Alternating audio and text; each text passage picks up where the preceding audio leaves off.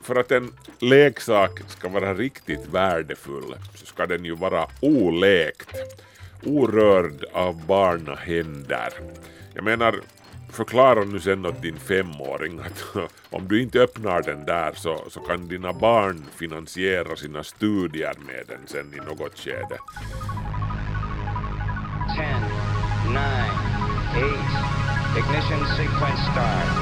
5, 4, 3, 2, 1, 0. Quantum leap.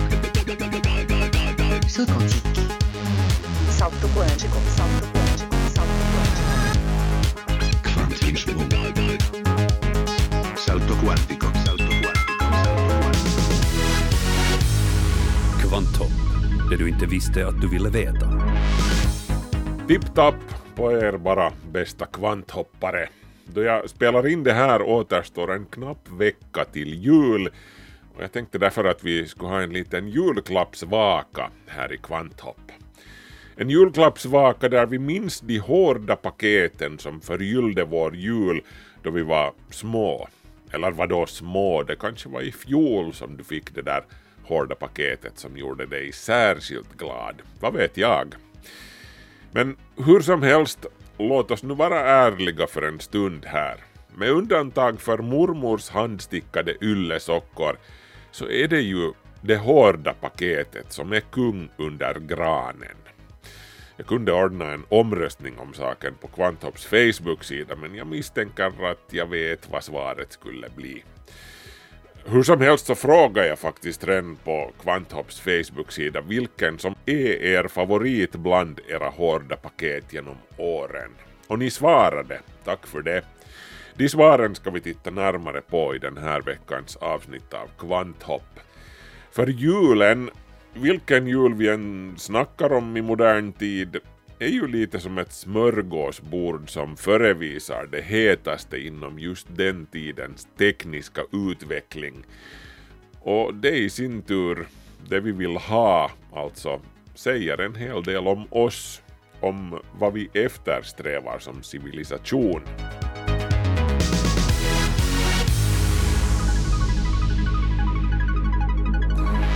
Jag heter Markus Rosenlund. Välkommen med. Vi inleder Kvanthopps julklappsvaka genom att dra ett svar från Facebook-hatten och det är Markus som skriver. Markus med K. Jag skriver med C själv.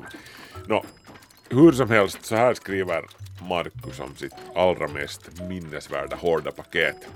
En Scania lastbil med missilramp och missil. Den flög cirka två meter. Man kunde sätta in en smällare och så sa det pang när den landade. Det här var efter kalla krigets glansdagar. Jo, det var ju mycket krigsleksaker under granen för oss ungar av det kalla kriget. Jag minns själv hur det diskuterades mycket kring det här på 70-talet att är det nu riktigt rätt att ge krigsleksaker åt barnen? Knallpistoler och, och tanks och de här små plastsoldaterna som man radade upp i sanden på gården och, och så kastade man Kina-bomber på dem så att de flög åt alla håll. Det var ju som sagt kalla kriget, klart att det reflekterades i, i barnens lekar. Men om vi nu bortser från den diskussionen Visst var det ju fint när man ännu fick riktiga plåtleksaker. Jag vet inte om Marcus Scania var av plåt eller plast men jag hade själv en Tonka lastbil som var av plåt och, och det harmar ju något otroligt att jag inte tog bättre hand om den. För de här sakerna de betingar otroliga priser idag på Ebay och liknande. En vintage Tonka lastbil, alltså den kan kosta flera hundra euro på nätet. Min svärfar han samlar på gamla plåtleksaker och framförallt då på leksaksbilar av plåt. Och flera av hans skatter lär vara värda fyrsiffriga summor. Men det finns ju en paradox med de här leksakerna, nämligen för att en leksak ska vara riktigt värdefull så ska den ju vara olekt. orörd av barnahänder. Helst så ska den ju vara i sin oöppnade originalförpackning också.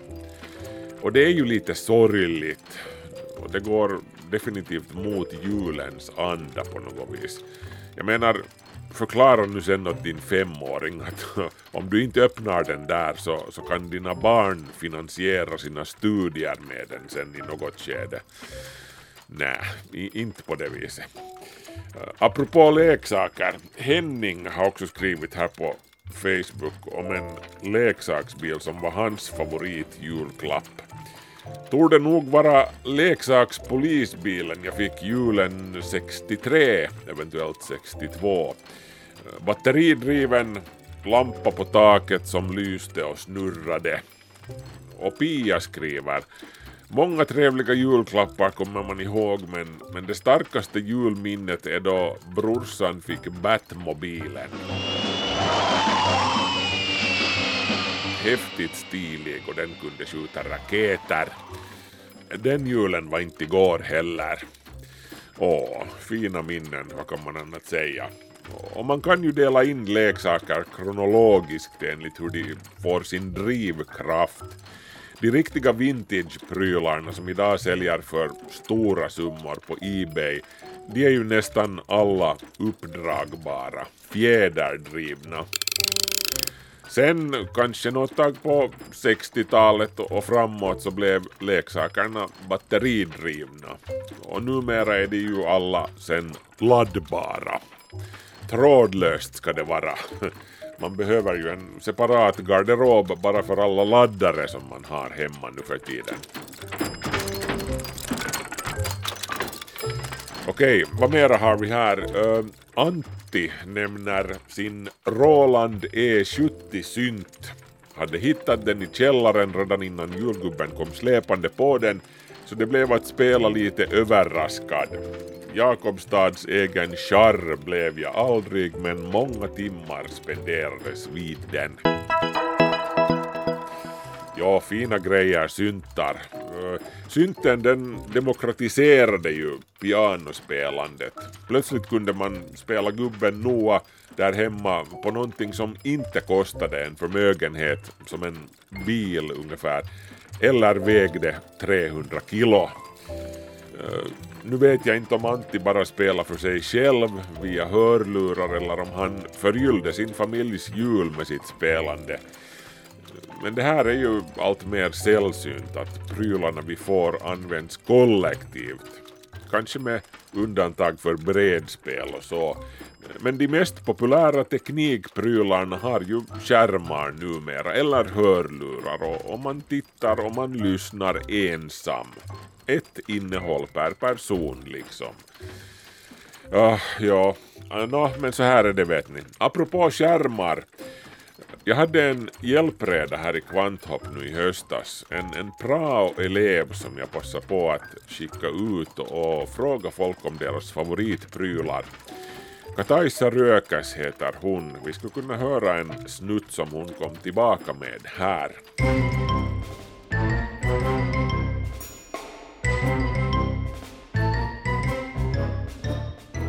Vilken apparat skulle du lyfta fram som har betytt extra mycket för dig? Mm, vet du, jag skulle nästan kunna säga en sån här diaapparat. Har du någonsin sett på diabilder? Vet du vad en diaapparat är för någonting?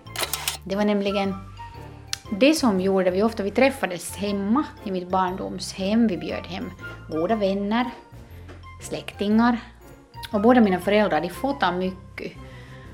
Och det var på något vis en sån här speciell händelse alltid när den där duken lyftes upp och och sen jag minns det där ljudet från den där diaapparaten, den hade ett sånt surrande. Och sen förstås blev den jättevarm, jag kommer ihåg den där speciella doften som kom från den där, den där manicken. Och hur är det en sån här diaprojektor fungerar? Nå, det var ju en bra fråga. Jag och teknik. Mm. det där... Jag måste säga att jag känner inte så här hemskt detaljerat till själva tekniken, men det minns jag hur jag var fascinerad av att när man, när man tittar på de här bilderna, som var små, små, sådana egentligen från negativ, så det var svårt att urskilja någonting, men sen när den den här liksom, bilden kom in i de här kassetterna. Så för mig så var det fina just det här att det, den uppfyllde liksom hela rummet. Plötsligt var du igen och segla i skärgården eller uppe i Lappland och, och det var någonting att den på något sätt, den förde dig bort till några andra, andra ställen. Det var en sån där...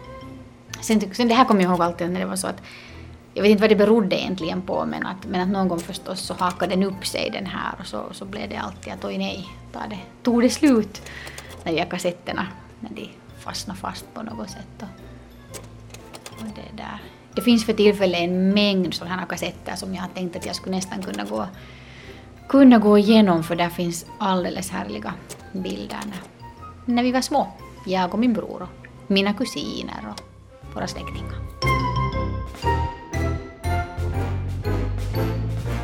Att en sak jag ännu kom att tänka på egentligen var ju det här att det, det krävdes alltid lite mera tid och planering för att titta, titta på de här bilderna. Att nu har vi alla våra mobiler i fickorna och sen kan vi när som helst knäppa några bilder och, och titta på dem och till och med skicka dem. Att här var det ju en lite längre process från att man hade tagit de här bilderna och så skulle de ju framkallas och, och sen skulle de sättas då in i de här, de här fodralerna, vad ska man kalla det här omhöljet, den här det här mindre, mindre liksom fickan för det här själva negativet. Så det tog ju förstås en betydligt längre tid. Att kanske det var det som gjorde det också betydelsefullt. Att man väntade, man visste på att man hade några sådana bilder på kommande. Att nu är det bara att man liksom, idag har vi ju filter vi kan använda och vi tar en bild och den är inte riktigt bra för att inte tala om Photoshop och det här hela som det finns nu för tiden. Så ganska stora skillnader från vad det var tidigare. Åh, fina minnen. Nu, blev jag inspirerad också här. Eh, jag minns nämligen också väldigt väl diaprojektorn som ett varmt och ljust minne från barndomen. Inte minst just från julen, då hela familjen samlades och, och så tittade man på soliga bilder från sommaren. Och den här speciella doften från diaprojektorn som Marika nämnde där, eh, den kom alltså från att det, det landade damm på projektorns lampa som sedan brändes när man tände lampan. Och dammet i vår rumsluft består ju till ungefär 70 procent av pyttesmå döda skinnflagor som svävar omkring. Så den där doften från diaprojektorn var alltså bränd hud. Uff, varför skulle jag gå och säga det där? Nu förstörde jag diabildernas magi.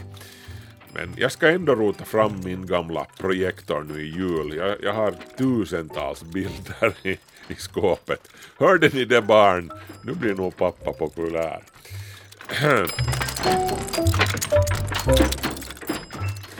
Du lyssnar alltså på Kvanthopps julklappsvaka där vi minns våra favoriter bland de hårda paketen som tomten har kommit med under åren. Petra skriver så här. Donkey Kong-spelet som barn och som vuxen min surfplatta. Jag älskar att ha, ha den hemma för tidning, underhållning, kommunikation etc. Eh, batteriet börjar bli dåligt bara så jordgubben kunde komma med en ny. Eh, Petra nämnde alltså Donkey Kong där. Det lilla elektronikspelet med dubbla LCD-skärmar som man, som man använde till att styra den lilla rörmakaren Mario som duckade för tunnorna som den stora elaka gorillan kastade uppifrån sin plattform. Eh, jag fick själv ett sådant spel julen 1982 och jag har det faktiskt kvar än i denna dag. Det funkar perfekt dessutom. Eh, det var inte bara ett spel, det var också en inbyggd digital klocka i den här apparaten. Helt otroligt coolt anno 1982 med väckningsfunktion dessutom. Och det var ju här som stirrandet på våra egna små skärmar började för oss ungar. Apropå spel så måste jag ju nämna min egen favorit bland min barndoms hårda paket. Min Commodore 64-dator som jag fick julen 1983. Jag tror att jag inte lämnar mitt rum för annat än att gå på toa ungefär i två år efter det här.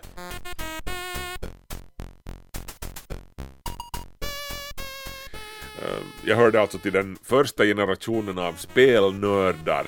Inte bara köpta spel som Summer Games, Spy vs Spy, Saxon, BC's Quest for Tires med mera, med mera. Jag programmerade faktiskt också egna enkla spel, väldigt enkla textbaserade spel, men det var jätteroligt. Eh, så tack för den klappen mamma, eller alltså julgubben menade jag. Eh, här är för övrigt flera på Kvanthopps Facebook-sida som nämner just Commodore 64 som sin favoritjulklapp. Roger skriver 64 är nog en pärla, årets bästa julklapp blir troligtvis att jag får besöka henne i Österbotten och göra musik med hennes oslagbara SID-chip av modell 6581. Ja, och, och Commodorens oslagbara minnesbank på 64 kilobit. Jag tror min nuvarande rakmaskin har mera minne än så. Uh, hur som helst, också Janne minns här på Facebook sin Tasavallan tietokone som den kallades i reklamen i Mikrobit-tidningen. Commodore 64, den vita modellen, spela så jag fick feber, skriver alltså Janne. Mattias skriver i sin tur på Facebook att han fick en Spectra Video SV328. Ja, jag minns att det nästan kunde bli slagsmål på skolgården mellan Commodore-anhängarna och Spectra Video eller ZX Spectrum-ägarna. Det var blodigt allvar, så som det ofta är med spel. Eh, en grej med datorer som Commodore 64 var ju att de inte hade någon egen dedikerad monitor på det viset. Du, du kopplade helt enkelt in dem till antennuttaget på TVn. Fanns det bara en TV i hushållet så då var det inte någon som tittade på mycket på TV efter det. Jag minns att jag faktiskt fick en egen liten TV också ganska fort efter att jag fick datorn. Uh, apropå det så ska vi nu höra ännu ett prylminne som min prao-elev Kataisa Rökas var ute och spelade in. Och nu är det skärmar som gäller. Ehm, så vad tycker du överlag om tekniken? Nå, jag måste nog säga att jag avskyr all världens tekniska apparat. Jag, jag är inte alls intresserad av teknik. Kommer du att tänka på någon specifik elektrisk manik som har betytt något extra för dig, trots att inte själva tekniken allt för mycket intresserar dig? No, som barn kommer jag ihåg att när min farbror och faster fick sin första TV och, och det där, vi brukade alltid fara dit på, på visit och, och se på ett visst program eller några andra. Och det var en sån här viss ritual som man hade. Man, alla satt sig framför TVn och ofta drack vi kaffe och man fick inte avbryta eller prata på varandra när man, man tittade på det programmet. Att det var en sån här, vad heter det på svenska, sån här samhörighet på ett visst sätt. Att man var tillsammans i en liten grupp och såg på den där arma lådan. Och vissa program kommer jag ju bra ihåg att Rintintin och Wagon Train och Lassie och Så man väntade alltid på den där dagen när de skulle komma och, och så for man till min faster och farbror och tittade vi där på TV. Att det, var, det, var, det var nog fascinerande, åtminstone som barn. TVn sattes på bara då när man tittade på ett visst program och sen när det var slut så stängde man av det. Att nu för tiden är det många säkert som håller TVn på dagligen och fast man inte hela tiden tittar heller på det så den pratar på där för sig själv. Thank you, ladies and gentlemen. Thanks to all of you. Hur såg den här TVn ni hade ut? Det var en lackad trälåda så att säga. Och det var något antagligen så där under 20 tum, 17, någonting sånt. Uh, då när man satt, när man då satt TVn på så kom det förstås den här signaturmelodin melodin, och Tidigt så kom det, var det fyra svanar som flög och blev där på mitten. Att det var alltid samma.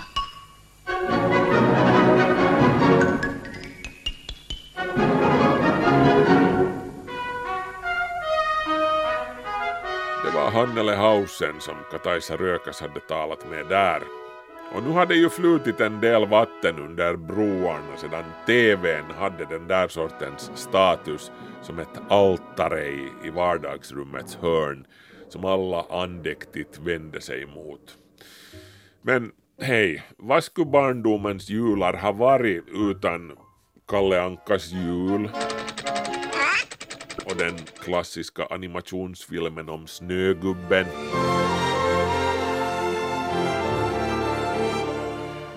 fortfarande sänds varje år direkt efter julgubbens heta linje, joulupukin kuuma linja.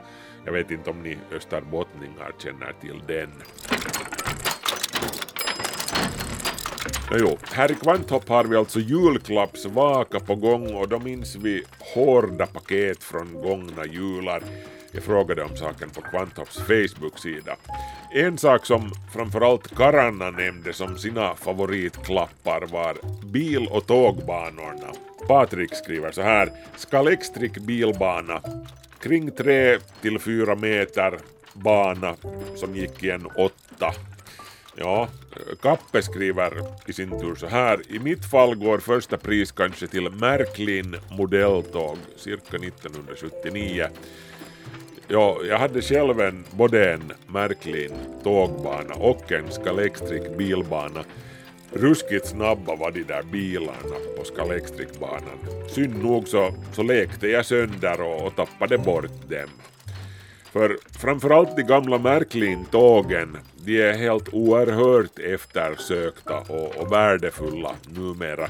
Återigen så kan du få hundratals eller tusentals euro för välbevarade sällsynta exemplar. Mina barn har också sina egna Scalextric och Märklin-banor som jag har sett till att ställa undan i tryggt förvar efter att vi tappade intresset för dem. De kommer att tacka mig senare. Vi hinner ännu med en snutt som min prao-elev Kataisa Rökas spelade in. Och nu snackar vi igen om en klapp som också hörde till mina absoluta favoriter. God morgon Osmo Rökas. Hurdan roll har tekniken spelat i ditt liv? No, tack för frågan. Ja, det har alltid varit viktigt åt mig att lyssna musik. Så när jag var ung så det var nu inte så många saker som spelades musik. Så det var nu radio och TV och sen hade vi sådan LP-rekordspelare som spelade LP-rekorder. Det heter så. Men sen kom det där kassettspelare så allt ändrade därifrån. Så vi hade det sådan mm, lite radio som hade kassettspelare som min mam mamma och pappa köpte från, från Fredrikshamnsbutiken som vi bodde där. Så jag tyckte att lyssna kassetter med det först och sen fick jag en egen kassettspelare som var riktigt stereomodell så det var jättecool. Det var nog inte så många kassetter som vi hade så de var så jättedyrt för den här tiden så jag tror att min första kassett var det, det var något Crazy Kavan eller något. Nej, det var Matchbox. Det var sån rockabillymusik.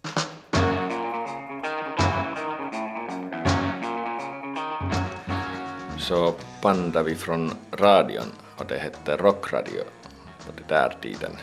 Så det var jättenoga att banda de där låtarna utan att det där någon kommenterar något så.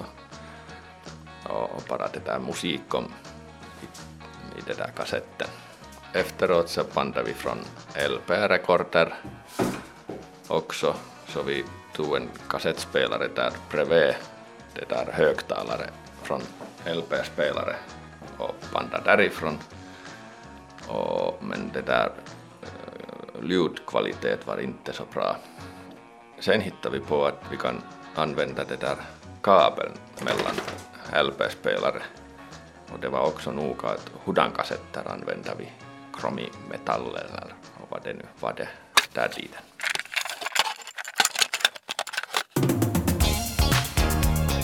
Sen, sen kom det där Sony Walkman kassettspelare som var jättesmå och vi använde det med batterier och de innehöll också det där hörlurarna. Och allt där med kassetter var analog, inte digital som är det för nu för tiden. Allt musik är digitalt. Det där tiden allt var analog. Och nu är det jätteskojigt att jag jobbar för en som bolag som heter, heter Analog Devices.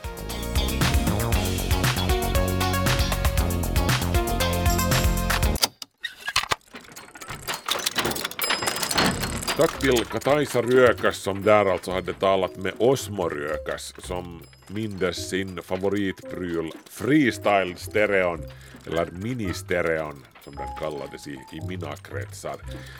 Jag tror att jag fick min första freestyle julen 1984 eller så och sen var ju livet aldrig mer detsamma efter det. Också Minna skriver här på Kvanthopps Facebook-sida om sin favoritklapp, sin mini-stereo med Abbas The Winner-kassett. Jag tror du menar Super Trooper, så hette albumet där låten The Winner Takes It All ingår. Eh, hur som helst, till hela den här Walkman-kulturen hörde många knep för att få batterierna att räcka till så länge som möjligt. En sak som slukade särskilt mycket batterier var att snabbspola kassetten. Därför brukade vi sticka in en blyertspenna i ena hålet på C-kassetten som man ville spola och sen snurrade man den här kassetten som en harskrämma.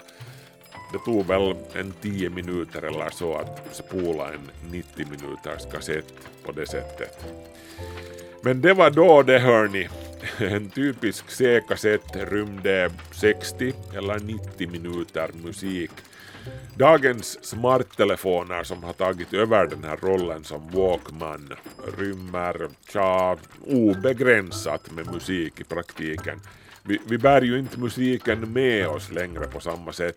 Den kommer till oss som ettor och nollor an eftersom vi lyssnar vi äger inte musiken längre, vi, vi hyr den. Och bara Spotify innehåller ju just nu så mycket musik att du kunde lyssna i 200 år i sträck utan att höra samma stycke två gånger. Hoho, Kvanthopps julklappsvaka för hårda paket börjar lida mot sitt slut för det här året. Men vi ska ännu kolla in några åsikter från Kvanthopps Facebook-sida här. Här är ganska många som minns luftgevären som de fick av julgubben. Jonte till exempel skriver att BSA med kikarsikte, det var morgens. Och Benny skriver BSA med hemlagad fjäder av pianotråd, stark som ett salongsgevär.